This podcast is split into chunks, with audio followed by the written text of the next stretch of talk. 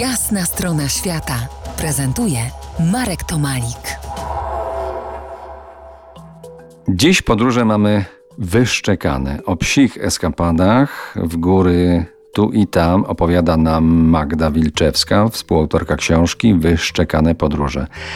Ilu ludzi w Polsce cieszy się posiadaniem, opiekowaniem psami? E, według statystyk to jest około 50% e, społeczeństwa w Polsce, co mi każe sądzić, że drugie pół zna kogoś, kto ma psa, więc ten temat opieki nad psami i może niekoniecznie podróżowania, ale generalnie opieki i, i odkrywania relacji z psem, to jest temat jak najbardziej e, taki, który dotyczy niemalże każdego, zaryzykuję stwierdzenie. No, prawie. Taka opieka nad y, takim towarzyszem czy towarzyszami podróży to jest y, spore wyzwanie. Wiem to i ja, bo był czas, kiedy podróżowałem z Tiną, owczarkiem niemieckim. To były podróże samochodem terenowym, ale tu po Polsce. Pamiętam naszą trasę wzdłuż wschodniej granicy Polski. Trasę ułożyłem tak, aby biegła jak najbliżej granicy. Teraz to już raczej chyba niemożliwe do spełnienia.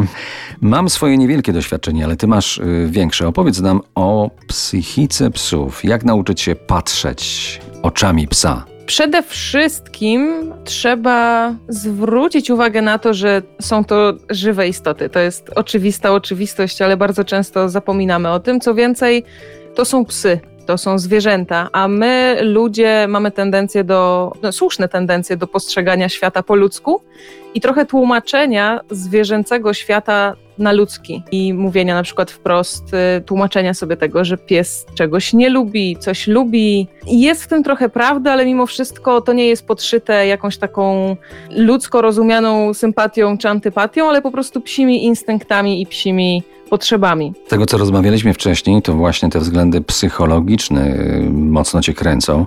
E, I to dlatego podróżujesz z psami? I tak i nie, e, bo zaczęło się od tego, że po prostu dałam się namówić na wyjście w góry i zupełnie nie wiedziałam, co się stanie, jakie przygody mnie czekają, a potem zaczęłam odkrywać coraz dalsze podróże i zaczęłam obserwować i siebie, i psa w podróży.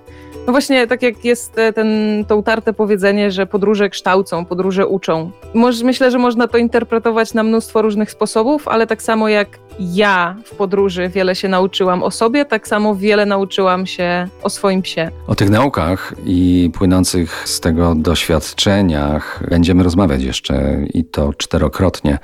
Za kilkanaście minut kolejne spotkanie z Magdą i jej trzema psiakami. To jest jasna strona świata w RMS Classic.